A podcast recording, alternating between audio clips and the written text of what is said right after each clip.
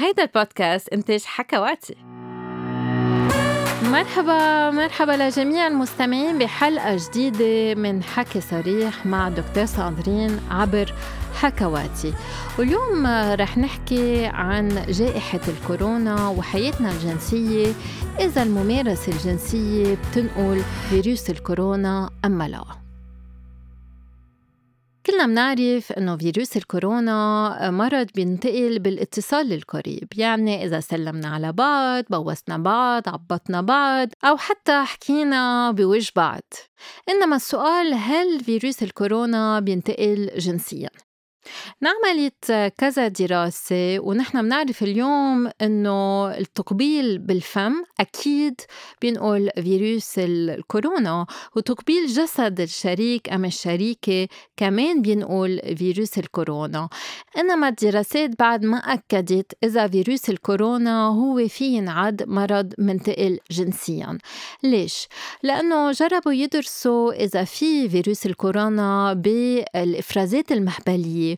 وما لاقوا عدد كفاية من الفيروس بالإفرازات المهبلية إنما لاقوا فيروس الكورونا بالسائل المنوي. بالرغم من هالشي بعد ما بيعرفوا إذا هالفيروس اللي موجود بالسائل المنوي في يعدي الشريك أم الشريكة. إنما الشيء الأكيد اللي انوجد إنه فيروس الكورونا موجود بالبراز يعني الجنس الفموي الشرجي أو لحس فتحة الشرج في ينقل فيروس الكورونا. والجنس الشرجي بركي يكون بينقل فيروس الكورونا بس بعد ما منعرف لأنه نحن منعرف إنه الجنس الفموي دغري عم بفوت الفيروس بالفم إنما الجنس الشرجي ما منعرف إذا بهالطريقة عم بفوت الفيروس بالجسم. إنما بحب ذكر إنه شو ما تكون الممارسة بما إنه عم نتقرب كتير من الشريك والشريكة عم ننقل الفيروس بطريقة أو بأخرى.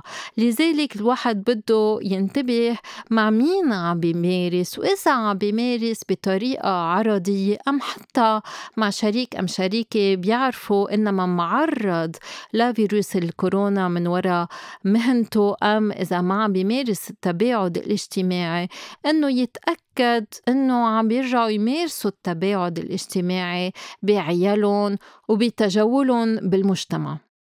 أول سؤال اللي منسأله هل بيحمل واقص ذكري من فيروس الكورونا؟ الجواب هو لا لأنه الممارسة الجنسية هي ممارسة قريبة فالواقي الذكري ما رح يحمي هل الجنس الفموي الآمن بيحمي من فيروس الكورونا؟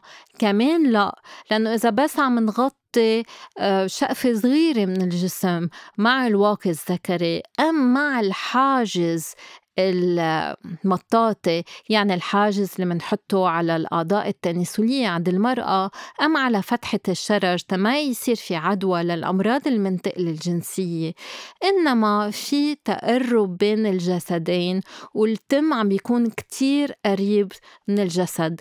لذلك كل هالممارسات ما بتحمي من فيروس الكورونا. الطريقة الوحيدة إنه نحمي حالنا هو إنه نمارس التباعد الاجتماعي مع لبس الكمامة وغسل الإيدين. إذا الشريكين عم بيتبعوا هالاحتياطات ساعتها الممارسة الجنسية بيناتهم آمنة. وإذا عاملين الفحوصات للأمراض المنتقلة جنسيا وما عندهم غير شريك أم شريكة ساعتها الممارسة الجنسية آمنة بيناتهم. هل ممارسة الجنس مع كمامة أم من دون التقبيل بتحمي كمان لأ لأنه عم نكون قريبين من الجسم التاني فالكمامة ما رح تحمينا كفاية لأنه إيدينا رح يلمسوا جسم الشخص التاني لذلك رح يكون في فيروس على جسمه أم على جسمنا. أكيد رح تقولولي بس إذا تحممنا قبل إنما أنتو تحممتوا والتاني تحمم كمان بس عم يرجع يتنفس على جسمه فإذا هو حامل فيروس الكورونا هالطريقة ما رح تحميكم من فيروس الكورونا. ومنرجع منذكر إنه في الشخص يكون حامل فيروس الكورونا من دون ما يكون عنده عوارض ومن دون ما يكون عارف.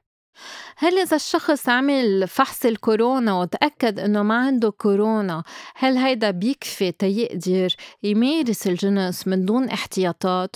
هون كمان لأ لأنه فحص الكورونا منه مأكد مية بالمية الطريقة الوحيدة فيكم تكونوا عملتوا آه، فحص الكورونا طلع سلبي وبعدين آه، انعزلتوا لأسبوعين بس تطلعوا من العزل ساعتها فيكن تمارسوا الجنس مع الشريك إذا هو عمل نفس الشي. يعني عمل فحص الكورونا طلع سلبي وبعدين انعزل. نفس الشي إذا طلع فحص الكورونا إيجابي وانعزل الشخص أسبوعين بعدين في يرجع يمارس الجنس مع شريك كمان انعزل أسبوعين. وبعد ما الواحد يطلع من الانعزال بده ياخد كل الاحتياطات واللي هي التباعد الاجتماعي لبس الكمامة وغسيل الإيدين. الكورونا ما اختفى. الكورونا منه كذبة الكورونا حقيقي. حموا حالكم كرمال تحموا مجتمعكم. فخلينا كلنا نتصرف بمسؤولية. يلا باي باي